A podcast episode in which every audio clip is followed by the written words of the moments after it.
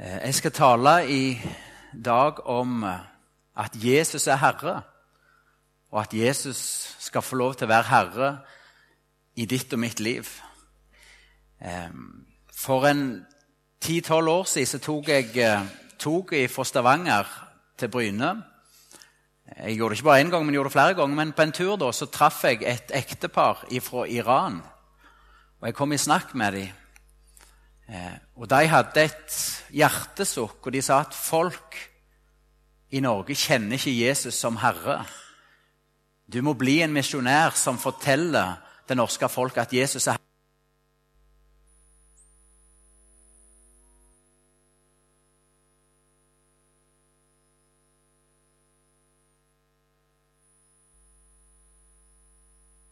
tenkte ikke så mye mer på det, men for uh, ca. fem år siden så la Gud ned et budskap i meg. Et brennende budskap om at Jesus er Herre. Og det er det budskapet jeg skal dele med dere i dag. For vi lever i ei forfallstid når det gjelder gudsdyrkelse og kristenliv i Norge. Det kan godt være at mange av dere her er gode unntak. Men Kristen-Norge sitt under ett er prega av lunkenhet, kraftløshet og umoral. Og grensen mellom Guds folk og verden er på så mange områder viska vekk. Vi bærer kristennavnet, men vi lever og handler og tenker som resten av verden. Er det sånn Bibelen sier det skal være? Gud vil vi skal være annerledes. Og han sa en gang dere skal være hellige fordi jeg er hellige.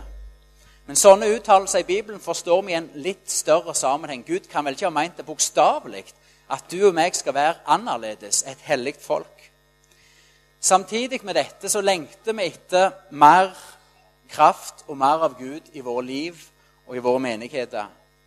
Men det kan virke som om himmelen er stengt. Selv om vi reiser landet rundt på seminar og konferanser og stevner, så synes det, for å bli inspirert og utrusta, så synes det som så lite kommer ut av våre anstrengelser og ønsker om liv og vekkelse. Har Gud forandra seg?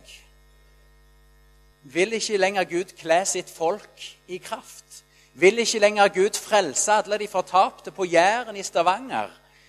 Eh, har Gud forandra seg? Nei. Bibelen sier at Gud er i går og i dag den samme, ja, til evig tid. Så hvis du og meg som er hans folk, hvis vi erfarer mangel på kraft i våre liv, så skyldes det ikke en forandring i Gud. Gud vil, og Gud kan. Men hvorfor heller noe tilbake? Jeg skal i dag tale til dere om det jeg tror er årsaken til at det er så mye oss og så lite Gud i dagens Kristen-Norge. Eller for å gjøre det mer personlig hvorfor det kan hende er så mye deg og så lite Kristus i ditt kristenliv. Og Da skal vi stille ett spørsmål til å begynne med. og det er Kjenner du Jesus som Herre? Kjenner du personlig i ditt kristenliv Jesus som Herre? I Lukas 6, 46 så sier Jesus Hvorfor Det kommer opp på skjermen nå. Hvorfor kaller dere meg Herre, Herre, og gjør ikke det jeg sier? Eh, er Jesus din Herre? Da spør jeg ikke etter hva du føler akkurat nå, eller om du rent teoretisk tenker at Jesus er verdens herre, universets herre, men er en herre i ditt liv. For hvis vi kaller Jesus for herre, da stiller vi oss sjøl i en posisjon av å være hans tjenere. Og da er vår oppgave å gjøre hans vilje. Jeg tror vi kan be om vekkelse til vi gråner i håret, og vi kan synge lovsanger til krampa tar oss. Og vi kan engasjere oss i kristent arbeid og gi blod, svette og tårer for Gud. Men hvis vi ikke lever med Jesus som Herre, så vil ingen verdens ting skje.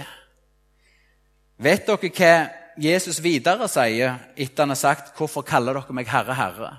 Vi skal nå sammen lese den teksten fra Lukas 6, 46-49. Hvorfor kaller dere meg Herre, Herre? Og gjør ikke det jeg sier.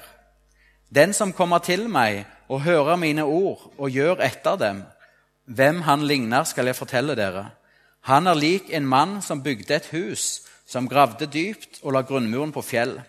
Da flommen kom, brøt elven mot huset, men kunne ikke rokke det, fordi det var godt bygd. Men den som hører og ingenting gjør, han ligner en mann som la huset på bare bakken, uten grunnmur. Da elven brøt mot huset, falt det med en gang, og hele huset styrtet sammen. Hva er det Jesus sier her? Jo, Jesus sier det fins to forskjellige måter å leve disippellivet på. Den ene typen disipler hører Guds ord, hører Jesus sine befalinger, og så går de videre og bygger sine egne liv uavhengig av dette ord. De handler ikke på dette ord. De bøyer seg ikke for dette ord. Jesus sier at et sånt disippelliv det vil ende i undergang, i katastrofe. Det kristenlivet tåler ikke møte med Guds dom. Det vil en dag falle sammen, og fallet vil bli stort. Den andre måten å være en kristen på, å være en disippel, det er å høre Guds ord og til å gjøre etter ordet. Hvorfor kaller dere meg Herre, Herre? Og så gjør dere ikke det jeg befaler. Vi må ikke være blant de ukloke disiplene som hører Guds ord, som hører Jesus sine befalinger, og ikke handler etter dem. I Salme 127 og vers 1 så leser vi Hvis ikke Herren bygger huset, arbeider bygningsmennene forgjeves. Dette er en sannhet for ethvert kristenliv. Jeg trodde det sto noe vann her. Det står bak, ja. Dette er en sannhet for ethvert kristenliv. Hvis det ikke er Kristus, hvis det ikke er Gud som bygger ditt kristenliv, styrer ditt kristenliv, hvis det ikke er Gud som bygger denne menigheten, Salem, da arbeider bygningsmennene forgjeves. Jesus må få lov til å være sjef, må få lov til å være herre i våre liv og i våre menigheter. Jeg vil si Det er litt typisk for mange av oss kristne her på Jæren i dag at vi takker ja til Jesus som frelser. Du kan få syndene mine, jeg vil ha håp om himmelen. Men så sier vi nei takk til Jesus som Herre. Jeg vil bestemme sjøl. Jeg vil leve mitt liv. Og Jeg skal gi eksempel på meninger som kan finnes blant de som kalles kristne. Og Det kan være for sånn som dette. Er det ikke bare nåde? Kom ikke her og si at Gud krever noe.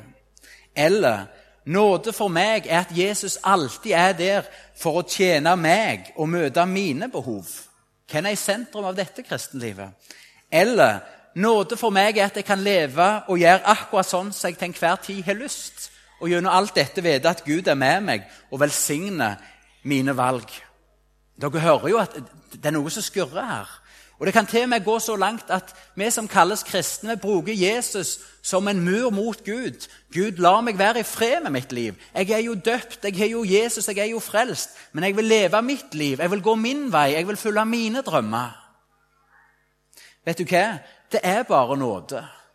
Kun Guds nåde som frelser oss. Men den samme nåden som frelser oss, den oppdrar oss òg til et hellig liv. Jesus var Guds lam, og han kom for å bære verdens synd. Han kom ikke for å bli tjent, men for å tjene og gi sitt liv som løspenger for de mange. Men på den tredje dagen da ble Jesus oppreist av Faderens veldige makt og kraft. Og Gud la herreveldet på hans skuldre. Jesus er innsett som herre og hyrde for Guds folk. Har du tatt imot Jesus som din frelser, ja, da skylder du å følge han som din herre.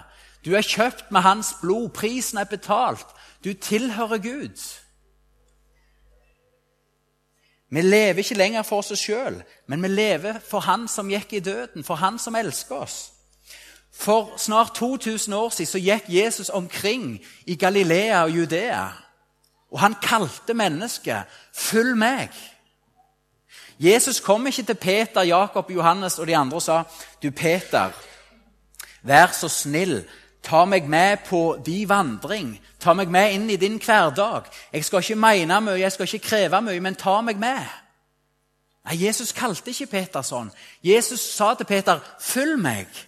Forlat din egen vei. Begynn å gå på min vei, mesterens vei, så skal jeg gjøre deg til en menneskefisker. Jesus er den samme i dag. Han har også kalt oss til å være etterfølgere. Til å forlate vår egen vei, våre egne liv, og gå på hans vei. så han kan gjøre sitt verk i oss og gjennom oss. Å være en kristen er å følge Jesus. Frelse og etterfølgelse har himmelens Gud forent i Jesus. Har du mottatt Jesus som din frelser, ja, da tilhører du han, og ditt liv er bestemt til å være et liv i etterfølgelse. For Gud har aldri kalt et eneste menneske til å være som en hyrdeløs sau som springer sine egne veier i påvente av himmelen. Vi har fått en hyrde, en god hyrde, en herre over våre liv. Dette er enormt viktig å få tak i. Vi kan ikke velge Jesus som frelser og takke nei til han som herre. Da vil vi tape det evige liv. Jesus sier selv i Matteus 7, vers 21-23.: Ikke enhver som sier til meg, Herre, Herre, skal komme inn i himmelriket, men den som gjør min himmelske Fars vilje. Mange skal si til meg på den dag, Herre, Herre, har vi ikke profetert ved ditt navn og drevet ut onde ånder ved ditt navn og gjort mange mektige gjerninger ved ditt navn? Men da skal jeg si dem rett ut, jeg har aldri kjent dere. Bort fra meg, dere som gjør urett. Altså, Det, det, det er rystende å lese dette. Jesus sier at på hans gjenkomstdag, på dommens dag, så skal mange med en rett bekjennelse Jesus er Herre, mange som tror de har et levende liv i Gud, de skal bli vist bort med skam fordi de har praktisert urett. De kan hende, som det står her beskrevet, de har stått i en kristen tjeneste, stått i et kristent arbeid, bekjent Jesus som sin herre, men de har levd i urett. De har levd i opprør mot Guds bud og Guds vilje. Det går ikke. Har du mottatt Jesus som din frelser, da er du kalt til å bøye deg for Guds ord, bøye deg for Guds vilje. Kanskje sitter du her i dag som er skuffet over Gud, som syns at Gud er langt vekke ifra deg og ditt kristenliv. Du erfarer kan hende så lite av Guds nærvær og kraft. Kanskje sannheten er den motsatte for mange av oss. At det er vi som er langt vekke ifra Gud med våre liv. At det er vi som lever som våre egne herrer. I Jesaja 59, vers 1 og 2 så kan vi lese Se, Herrens hånd er ikke så kort at han ikke kan frelse, og hans øre er ikke så døvt så han ikke kan høre. Nei, det er deres misgjerninger som skiller mellom dere og deres Gud. Deres synder skjuler hans ansikt, så han ikke hører dere. Vet du hva? Selv i 2011, uoppgjort synd, bygg en mur og skill oss fra Gud. Sprer død tvil i våre kristenliv og våre menigheter. Og det gjelder selv for kristne. I Jesus har vi syndenes forlatelse, ikke syndenes tillatelse. Jesus er ikke en sånn fribillett fra himmelen til mennesker. Hvis de bare mottar denne fribilletten, så kan de ha tennene i veggen og føttene i gardinen og leve i opprør mot Guds vilje. Nei, Jesus er med syndenes forlatelse. Han er vår unike mulighet til gang på gang tre fram for en hellig Gud og legge av vår synd, bli tilgitt og oppreist til ny vandring. Hvordan kan så vi ha Jesus som Herre i våre liv? Vi skal nå se på tre punkter som jeg tror er av avgjørende betydning. For det første søk først Guds rike. Du som vil leve med Jesus som Herre, søk Guds rike først. I Matteus 6, 33 så står det Søk først Guds rike og Hans rettferdighet, så skal dere få alt det andre i tillegg. Altså, Den eneste plassen Gud fortjener i ditt og mitt liv, det er på truna, til å regjere ifra hjertet. Hvis Jesus har en god andreplass, en akseptabel tredjeplass eller en solide fjerdeplass i ditt liv, det er heller ikke. Han trenger å få regjere, ha førsteplassen, at vi søker han først framfor alt. Vi kan ikke forvente at Gud skal forvandle våre liv hvis vi gir han smulene restene, det som er igjen av vår tid, våre evner, våre ressurser, når alle andre mennesker, oss sjøl inkludert, har forsynt oss. Førstegrøten. Gud skal ha førsteplassen. Vi innvier vårt liv til Han. Han skal ha det beste av vår kraft, våre evner, våre ressurser. Jeg er redd for, og dette har jeg selv gjort så mye, jeg er redd for at mange kristne planlegger dager, uker, år, gjerne et helt liv. Legger planer for hva de vil og hva de skal gjøre. Og etter planen er spigra, så folder vi hendene og vender oss mot himmelen, og så ber vi Gud om hans ressurser for å gjennomføre våre planer, våre drømmer, vår vilje. Og vet du hva? Er det sånn du lever med Jesus, så er det ikke løye om de vandring er en vandring i frustrasjon med stengte dører. For Gud lar seg ikke bruke til våre formål. Gud har en plan med ditt liv. Gud har dører han vil åpne for ditt liv. Men han er den som må lede. Vi må ta Gud med i planlegginga. Herre, hva er din vilje? Vis meg din vei. Hele dagen vil jeg vente på deg, Gud. Å søke Guds rike først det handler også om bønn. Guds gode vilje for oss er at vi skal være et folk på kne. Bibelen sier 'be, så skal du få'. Men Bibelen sier også 'dere har ikke fordi dere ikke ber'. Skal Guds rike, Guds vilje, bryte gjennom i våre familier, i våre liv, i våre menigheter, så må vi være et folk på kne. Og Her er det også et evangelie. Vi får lov til å være hjelpeløse. Jesus sier, 'Uten meg kan dere ingenting gjøre'. Vi kan ikke ta oss sammen, brette opp armene og rive oss i nakkeskinnet og gjøre Jesus til herre i våre liv. Vet du hva? Vi får lov til å be Jesus ta vekk de tingene som står mellom meg og deg. Jesus, beskjær meg. Gjør du deg til herre i mitt liv? Så vil han gripe inn og gjøre noe med hjertene, med viljen, med omstendighetene i våre liv, og lede oss til de oppgjør som er nødvendige. Det var det første. Skal vi leve med Jesus som Herre, så må Gud få førsteplassen i ditt og mitt liv. Han er konge, han er herre. Søk Hans rike først.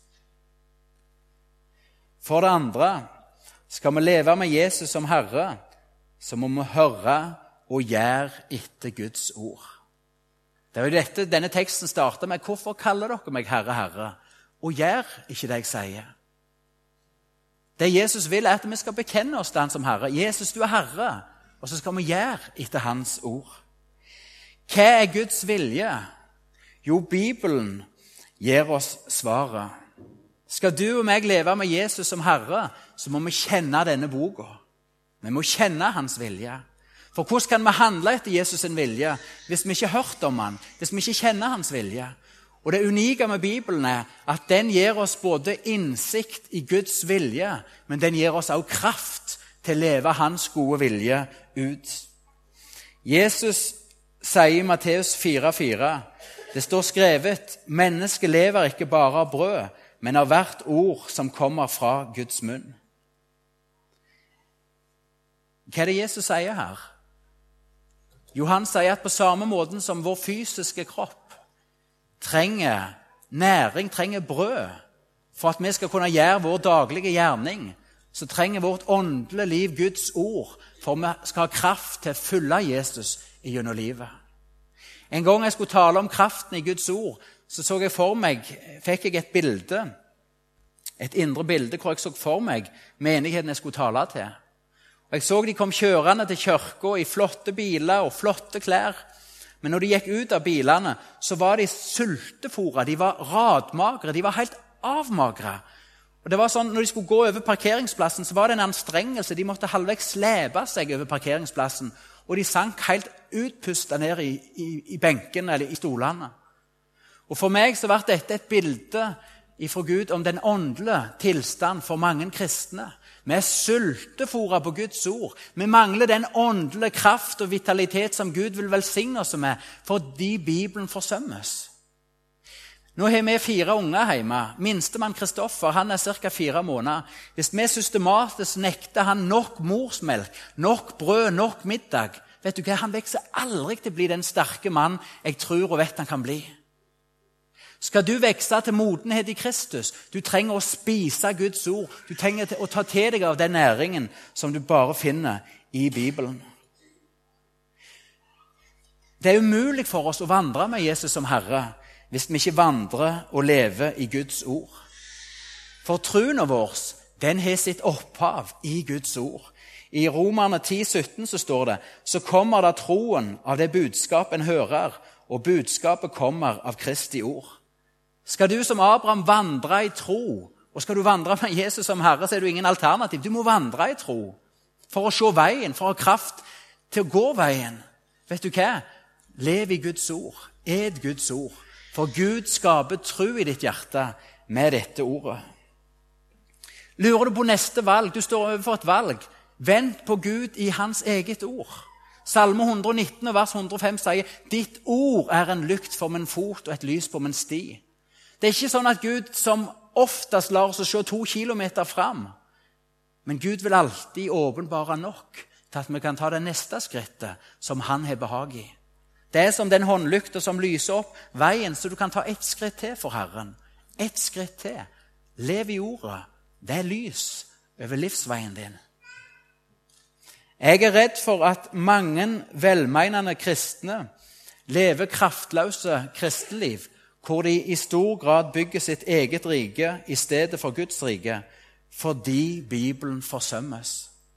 Skal vi leve et liv i Ånden, så trenger vi åndelig føde.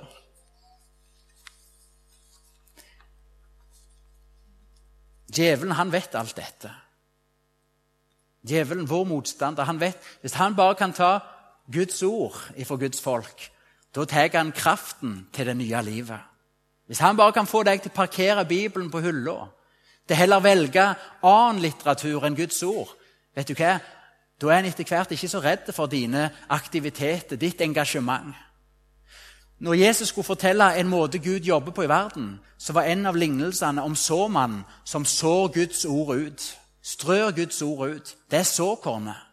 Når Gud skal forandre menneskehjertet, når Gud skal forandre verden, så sender han sitt livgivende ord. Når Gud skal skape endring i ditt liv, så sender han sitt ord inn i ditt hjerte. Og får det ligge der, får det rom der, så vil det gi kraft til det nye livet. Det vil skape endring. Vil du leve med Jesus som Herre, så lev i Guds ord. Og NB, vær ikke bare en som hører ordet. Vet du hva? Det er mulig å sitte et liv ut på en bedehusbenk og stol som dette og høre og høre og bli uforandra. Du kan til og med bli sjøl bedratt. Jakobs brev 1,22 sier dere må gjøre det ordet sier, ikke bare høre det. Ellers vil dere bedra dere selv. Sjølbedrag er noe av det skumleste. For du tror at du har bygd på ei klippe, men ditt hus hviler på sand.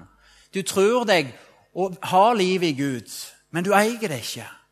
Hvis vi bare hører Guds ord og ikke gjør etter ordet, så bedrar vi oss sjøl. Og sannheten er ikke i oss. Hvorfor kaller dere meg Herre og gjør ikke det jeg sier, sier Jesus. Hør Guds ord, bøy deg for dette ordet, og lev og handle på det Gud kaller deg ved sitt ord til å leve og handle på. For det tredje vil du leve med Jesus som Herre, så lev et liv i renhet og rettferdighet, og kjemp mot synd i ditt eget liv. Selv om vi er frelst og fått del i Jesus sitt liv, fått del i hans oppstandelseskraft, så må vi ikke tro at alt i oss bare ønsker å prise Gud og rope halleluja. Bibelen forteller at selv vi kristne har fortsatt en kamp å kjempe mot vårt gamle menneske. Og I Efeserne 4.22-24 kan vi lese Dere skal ikke leve som før, men legge av det gamle mennesket, som blir ødelagt av de forførende lystne. Dere må bli fornyet i sjel og sinn og kle dere i det nye mennesket, det som er skapt etter Guds bilde, til et liv i rettferd og hellighet etter sannheten. Og i 2. Timoteus 3, 1-5.: Du skal vite at i de siste dager skal det komme vanskelige tider. For da vil menneskene være egoistiske, glade i penger, fare med skryt, være overmodige, snakke stygt om andre, være ulydige mot foreldre, utakknemlige, uten respekt for det hellige, ukjærlige og uforsonlige, fare med sladder, mangle selvbeherskelse, være rå, likegyldig for det gode, svikefulle, oppfarende, innbilske. De elsker lystne høyere enn Gud. I det ytre har de gudsfrykt, men de fornekter dens kraft. Vend deg bort fra slike folk. Vet du hva? Vi lever i de siste tider. Første kor tid sier 'til oss som de siste tider har kommet'. Det er du og meg som står i fare for å bli de mennesker som her beskrives. Glade i penger, egoistiske, farer med skryt, ulydige mot foreldre, uten respekt for det hellige. Det er du og meg. For vet du hva? Verden rundt oss, djevelen og vårt gamle menneske ønsker alle å forme oss til å bli disse mennesker. Hvis ikke dette skal skje i ditt liv, så må du i Guds kraft kjempe imot synd i ditt liv. Du må stå i den kampen. Og i Hebreerne 12,4 så står det I kampen mot synden har dere ennå ikke gjort slik motstand at det gjaldt livet. Og Da blir spørsmålet til deg i dag kjemper du mot synd i ditt liv. Står du i denne kampen? Bekjenner du synd til Jesus? Er omvendelse noe du daglig eller ofte har behov for? Eller har du begynt å unnskylde og bortforklare og ah, 'Det er så mange andre som gjør det.' og Den her lille friheten som bryter med Guds ord, det må være greit, for det er så mye annet som er i orden i mitt liv. Bekjenner du, eller bortforklarer du? Kjemper du, eller lar du deg forme til å bli det som vi her hørte beskrevet?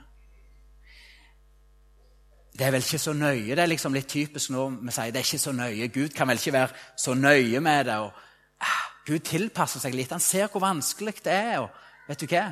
Guds vilje står fast. Guds ord står fast til evig tid. Jeg skal gi en liten illustrasjon på dette.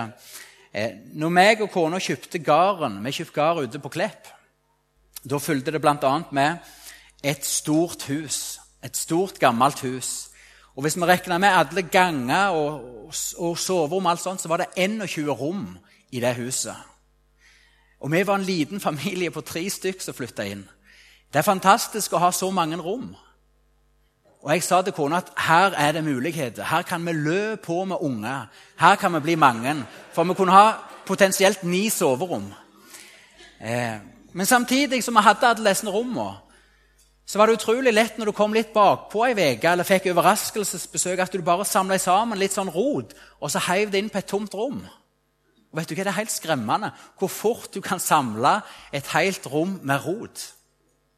Til slutt er det sånn, Du tror nesten ikke at du eier alt dette. Og det er iallfall umulig å finne fram i det. Så er det sånn, Du har egentlig bare lyst til å slukke lyset, lukke døra ikke forholde deg til det. Og vet du hva, Sånn kunne meg og kona flytte fra rom til rom, fra etasje til etasje. Rote til, stengt igjen. Og så til slutt så kunne vi levd på den store yttergangen. Og vi kunne til og med lagd en sånn livsløgn at det er egentlig utrolig greit å leve livet her. For her er det alltid kort vei til å komme og gå. Kommer gjesten, så er det kort vei når de skal ut igjen. Det er egentlig veldig praktisk å bare leve her på gangen. Og så kunne resten av huset leie i rot og i mørke. Vet du hva? Likt kan det òg være i ditt liv med Jesus.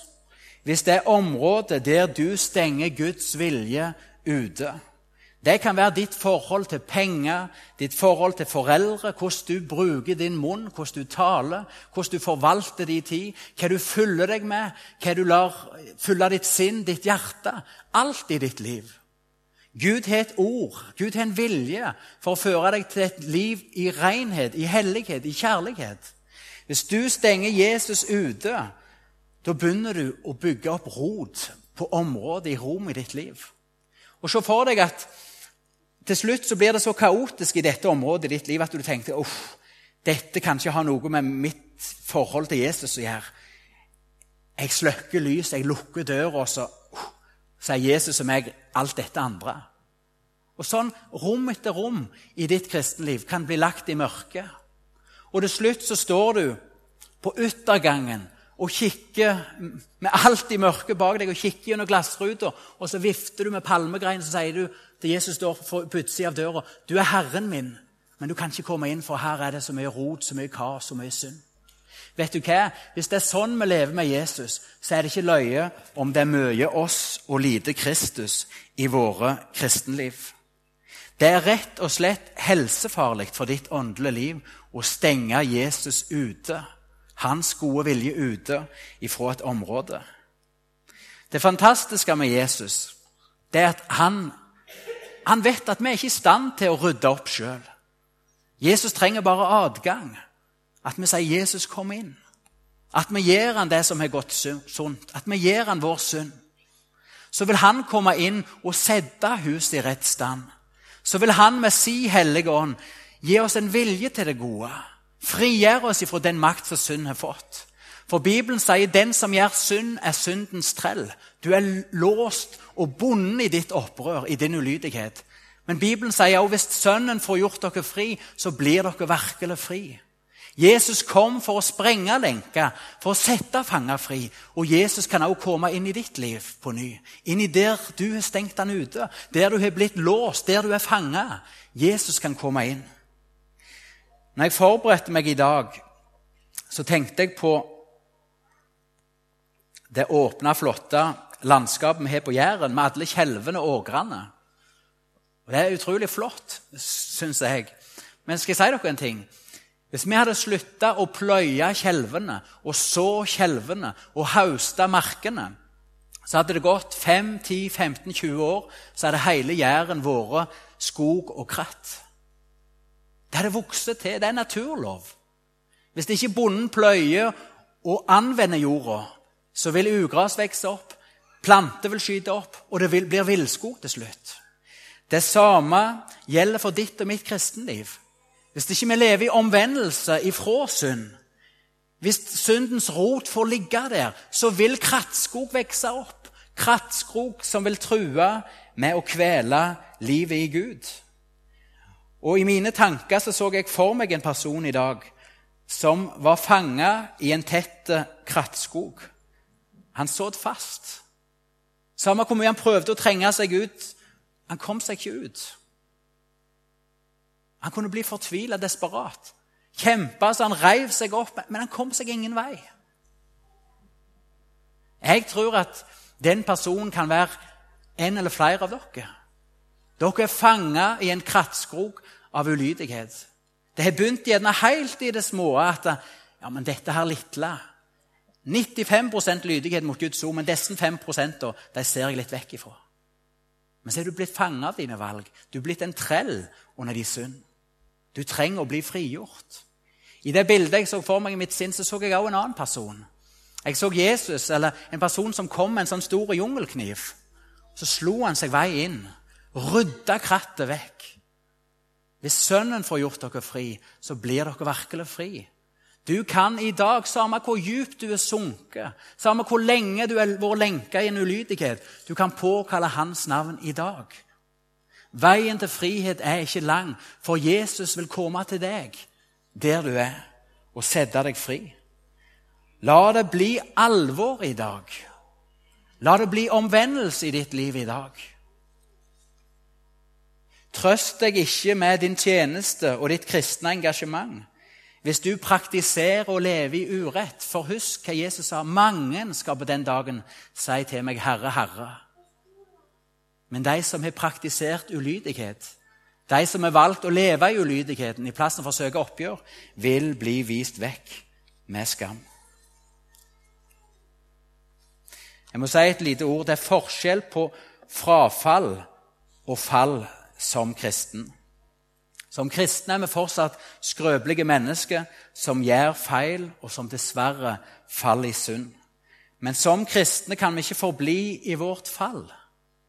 Vi bekjenner vår synd til Jesus og bøyer oss under Guds vilje. Og Det fantastiske er at han reiser oss opp. Gang på gang reiser han oss opp. Guds nåde er ny hver dag for en kristig etterfølger, for en vandringsmann. Motsatt, hvis du vil forbli i din synd og din ulydighet, ja, da fører fall til frafall. Over tid så er det ikke mulig å leve i bevisst ulydighet mot Guds vilje og forbli et Guds barn.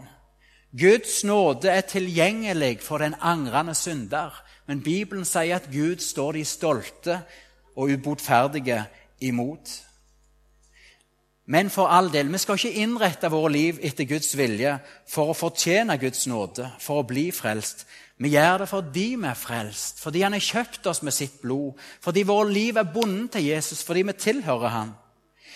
Vi vil aldri kunne bli fullkomne i dette liv.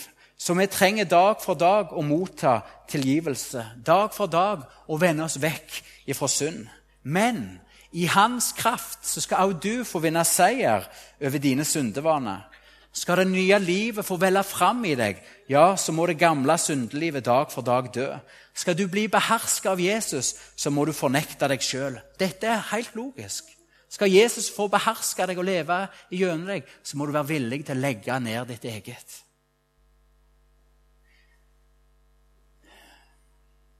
Gud kaller oss til å leve liv i hellighet. Og I 1. Peter 1, 13-16 så står det Spenn derfor beltet fast om livet. Vær våkne, beredt i tanke og sinn. Sett håpet fullt og fast til den inntil, videre. Der. Um, Spenn derfor beltet fast om livet. Vær våkne, beredt i tanke og sinn. Sett håpet fullt og fast til den nåde dere skal få når Jesus Kristus åpenbarer seg. Som lydige barn skal dere ikke lenger la dere lede av de lyster dere fulgte, den gang dere levde i uvitenhet. Han som kalte dere, er hellige, så vær også dere hellige i all deres ferd. For det står skrevet, dere skal være hellige, for jeg er hellig. Jesus er herre, og han må få være herre, sjef i ditt liv. Men som Ole begynte med, han er en uendelig nådig og god herre. Han har en bestemt vilje for deg som du må bøye deg for, men han har en kjærlighet som overgår alt. Og I Matteus 11, 28-30 så sier Jesus.: Kom til meg, alle dere som strever og bærer tunge byrder, så vil jeg gi dere hvile. Ta mitt åk på dere og lær av meg, for jeg er tålsom og ydmyk av hjerte, og dere skal finne hvile for deres sjeler. For mitt åk er godt, og min byrde er lett. Du som i dag strever, du som har kjørt deg fast, om det er en krattskog eller om det er i dine egne forsøk, be Jesus om å komme til deg. Han er en god herre, den beste herre. Nå skal jeg fortelle en personlig historie om hvordan Gud forandra kursen for mitt liv og min familie sitt liv. Når jeg var 21 år gammel, da ble jeg omvendt på ny. Da fikk jeg møte Jesus på nytt. Jeg fikk se og tro meg tilgitt, at han elska meg. Og så fikk jeg se en ting til, at Gud hadde en plan med mitt liv. Og jeg begynte den, i den perioden av mitt liv å be Jesus vis meg din vilje, vis meg din vei. Og Samtidig med dette så holdt jeg på å kjøpe en stor eh, gard ut forbi Pollest, eller Podlest, som vi sier på Jæren. Og Da ba jeg Gud har du en annen plan, så må du stoppe meg. Og selv om jeg hadde det høyeste budet inne på den gården, så fikk jeg han ikke. Og Da tenkte jeg nei vel, da har Jesus en annen vei for meg. Da vil det si for meg å følge Jesus og si nei til å bli bonde. Og jeg hadde lyst til å fortelle andre om Jesus, og da tenkte jeg mer kunnskap skader ikke, så jeg tok kristendom grunnfag, og grunnfaget ble det hele prestestudiet. Og jeg har hatt en klar opplevelse av at Gud kaller meg til heltidstjeneste som prest, misjonær eller emissær. Hvem vet? Bare Gud. Derfor var det litt spesielt for meg etter ca. tre år som prest i Sandnes. I mine bibel- og bønnestunder så begynte en helt klar tanke å komme til meg. Og Tanken var Sølve, nå er tida inne for å bli bonde. Jeg vågte jo ikke tro på det. Jeg trodde jo det var fristeren sjøl. Det var jo en gammel drøm, noe jeg hadde gitt avkall på. Men tanken kom igjen og igjen. Sølve, tida inne for å bli bonde. Det var mye som skjedde, og En gang så var det en kamerat som ba for meg uten jeg hadde sagt noe. Og han, Etter han hadde bitt for meg, så sier han til meg, 'Sølve, når jeg ber for deg, så tenker jeg bare på Hans vold.' Nå vet jeg ikke om dere vet hvem Hans vold er, men det er for meg et godt forbilde for en bonde som brenner for Jesus og er forkynner. Og Da begynte hjertet mitt å slå litt mer. Kan det virkelig være Jesus som sier du skal få bli en Hans vold? Du skal få bli en bonde som brenner for meg. Men jeg vågte fortsatt ikke tro at, at dette kunne være sant. Men noen dager seinere leste jeg i Markus, i Markus kapittel 10. Og Der sier Jesus at den som gir avkall på hus og ågre og så flere andre ting for mitt navns skyld, han skal få i den nåværende verden hus og ågre, men også forfølgelse, og i den kommende verden evig liv. Hva er hus og åger? Hvis du plasserer et hus ut på en åger, hva har du da? Du har en bondegård. Du har en bondegård. Dette verset ble levende, det slo inn i meg. Og jeg begynte å tro det er Jesus som sier, 'Sølve, tida inne. Du skal få bli en Hans Vold. Du skal få bli en bonde som tjener meg.' Og Da begynte mest sagt også litt av problemet i mitt liv, for uh, da måtte jeg hjem til kona. Og vi var forholdsvis nygifte. Og vi hadde vært gift et halvt år. jeg husker ikke nøyaktig, men Hun var byjente, og vi hadde akkurat bygd oss nytt hus i Sandnes. Og Jeg husker ennå den kvelden, det er den verste kvelden i ekteskapet. Vi så i hver vår ende av en treseter, og jeg hadde delt at jeg trodde jeg skulle bli bonde. Hege, kona mi, hun strigrein, og så sa hun skal du bli bonde, så får du finne deg ei bondekone. Jeg syntes jo hun var umulig. Og jeg sa sikkert mye dumt, men jeg sa òg dette er ikke aktuelt med mindre du òg ønsker det, vil det. Så vi snakket ikke så mye mer om disse gardsplanene på et par uker. Men en dag så fikk jeg en tekstmelding fra Hege, kona mi, hvor det sto 'Jeg vil bygge meg en gård med en hage utenfor'. Prikk, prikk, prikk. Din Hege.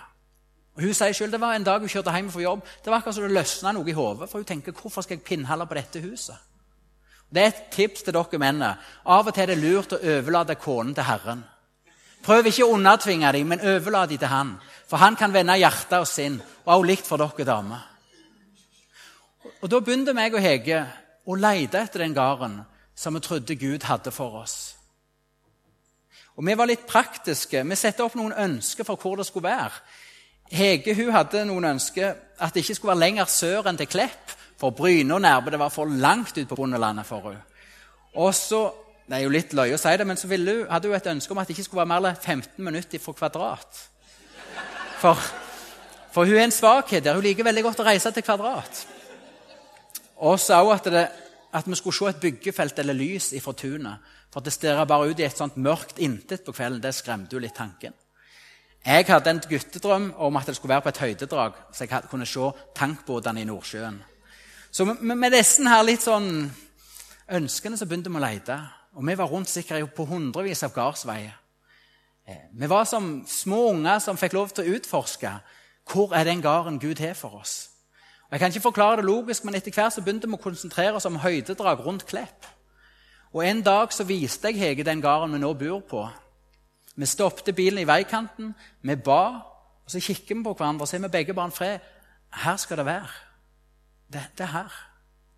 Og Da går jeg og ringer på døra. Det sto ikke noe til salgs, eller noe sånt, men jeg ringer på døra og sier hvem jeg er, at jeg er på jakt etter gard. Om denne var til salgs eller forpaktning. Og Da sier bonden nei, han var ikke til salgs, men han trong avløser. Og Da tenker jeg i mitt stille sinn ja, kanskje som Jakob i Bibelen, så må jeg tjene som dreng noen år før jeg får det. Så jeg sier greit, det kan være avløser. Eh, samtidig med dette så sier jeg opp jobben som prest. Dette var i mars, og oppsigelsestid var fram til 1. august. Ja, hva skal du da gjøre? Jeg skal bli bonde. Ja, hvor da henne? Ja, Det kan jeg ikke si noe om, men vi tror det skal ordne seg. Så meg og kona vi takker bare og ber, ber til Gud om at det er i hans hender for hvis vi skal få den gården, så skal vi ikke grave den til oss eller ha spisse albuer, men da skal Gud gi den oss. Og En dag mens vi ber for dette, så får Hege eller kona mi et bilde, et sånn indre bilde hvor hun ser bonden stå midt i tunet med åpne armer, og at han viser oss alle kjelvene på gården og tar oss inn i det ene huset og viser oss alle rommene. Og da tenker vi, Er dette fra Gud, så må vi jo handle på det. Så vi setter oss i bilen og kjører opp. Og ganske riktig, når vi triller inn i gardsrommet, så står bonden planta midt ned forbi låvebruna. Og det var sånn frysning på ryggen, for når jeg går ut, så sier bonden til meg, 'Sølve, du må huske på sånn og sånn den dagen du skal bo her.' Da hadde det skjedd noe med tankene, og da hadde Gud gjort noe med sinnet hans. Vi skulle en dag få bo der. Og Han viste oss alle kjelvene, og han tok oss inn i det ene huset og viste oss alle rommene. For oss så ble dette en enorm bekreftelse på at dette er Guds hender. Vi har å vente på Herren. Vi har å vente på han. Igjen, det går flere måneder, og det skjer ytre sett lite. Mor og far min begynner å bli bekymra, for de hadde jo en gjev sønn som var prest, men nå var han en svermer på gardsjakt. og Hvor blir det av dette luftslottet ditt? Og vi begynte å kjenne på presset fra folk rundt oss, at nå må det skje noe. Så kona mi hun sier en dag at eh, vi, vi må be noen dristige bønner. Ja, Det var jeg klar for. Og Vi ble enige om at vi skulle be Gud gi oss et gjennombrudd når det gjaldt gården. Og Dette var en onsdag, og igjen, vi så litt praktisk på det. I helga hadde vi mange avtaler som hadde egentlig ikke tid til gjennombruddet da. Så vi ble enige om å be Gud om et gjennombrudd på mandagen over helga. Og Vi ber for dette gjennom uka, og da får Hege et nytt bilde hvor hun ser meg, bonden og en tredjeperson sitte med et bord og skrive på et ark. Og når hun deler dette, så sier jeg bare 'Yes, det er kjøpskontrakten'. Så på mandags formiddag reiser jeg med hjertet i hendene. Tenk hvis vi hadde tatt feil. Oppriktig feil. Men det fantastiske for oss det er at bonden sjøl den mandags formiddagen foreslår at vi skal kontakte hans regnskapsfører Martin Svebestad på Klepp gardsregnskapslag og sette opp en kjøpskontrakt. Og mindre enn ei uke seinere har vi fått kjøpt denne gården som om vi skulle vært hans arvinger. Det var så utrolig ryddig når vi var der. For da sier regnskapsføreren til bonden du er klar over hvis du skiller eh, hus, tun og jord, så kan du få mer. Jeg vil selge det sølve. Du er klar over at hvis du går til eiendomsmegler, så kan det bli konkurranse og høyere pris. Jeg vil selge det sølve.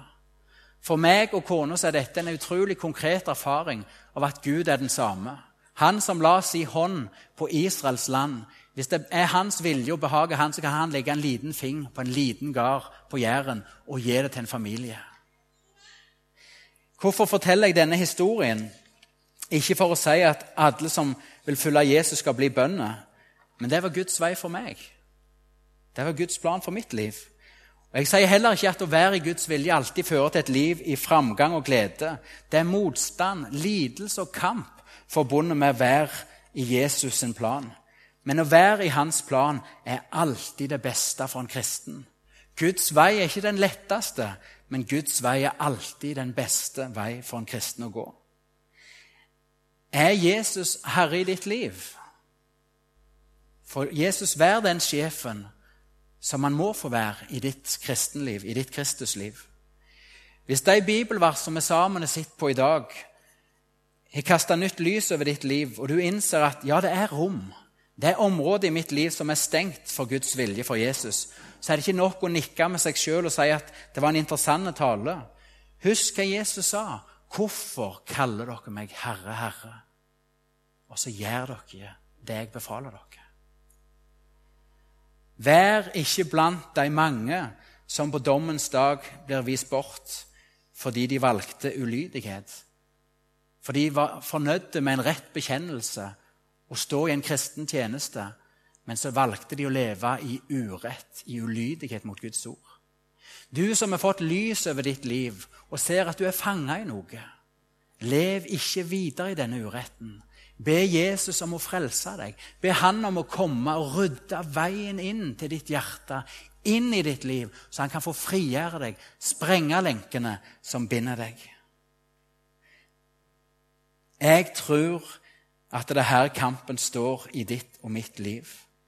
Gud vil og ønsker å åpenbare mer av sin kraft og sin herlighet i Stavanger, på Jæren, i Norge. Men han vil gjøre det gjennom sitt folk. Et folk som lever i Ordet, og som vandrer med Jesus som Herre. Vi trenger ikke mer kurs og konferanse og kompetanse for å vandre i Guds kraft.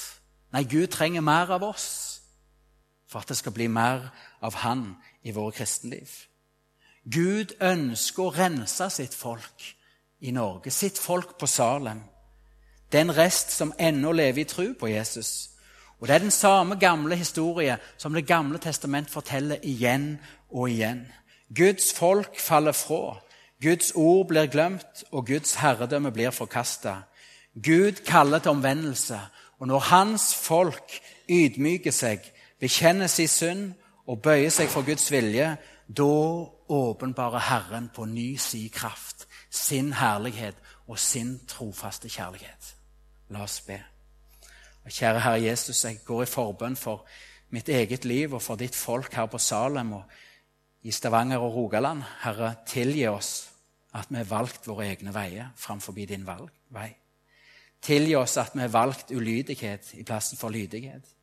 Herre Jesus, jeg ber om at du må gripe inn og vende hjertene våre tilbake igjen til deg. Jeg ber Herre Jesus at du må tre inn til den enkelte og rydde en kongsvei, rydde din vei og frigjøre deg for de bånd som binder. Og Herre, jeg ber med De hellige ånd, overbevis oss sånn som vi trenger å bli overbevist, så det kan bli til alvor, så vi ser vår situasjon, så vi kan påkalle deg som frelser og herre, så du kan få gjøre ditt verk. Herre Jesus, jeg ber om en åndens aksjon over Salem, over denne forsamlinga.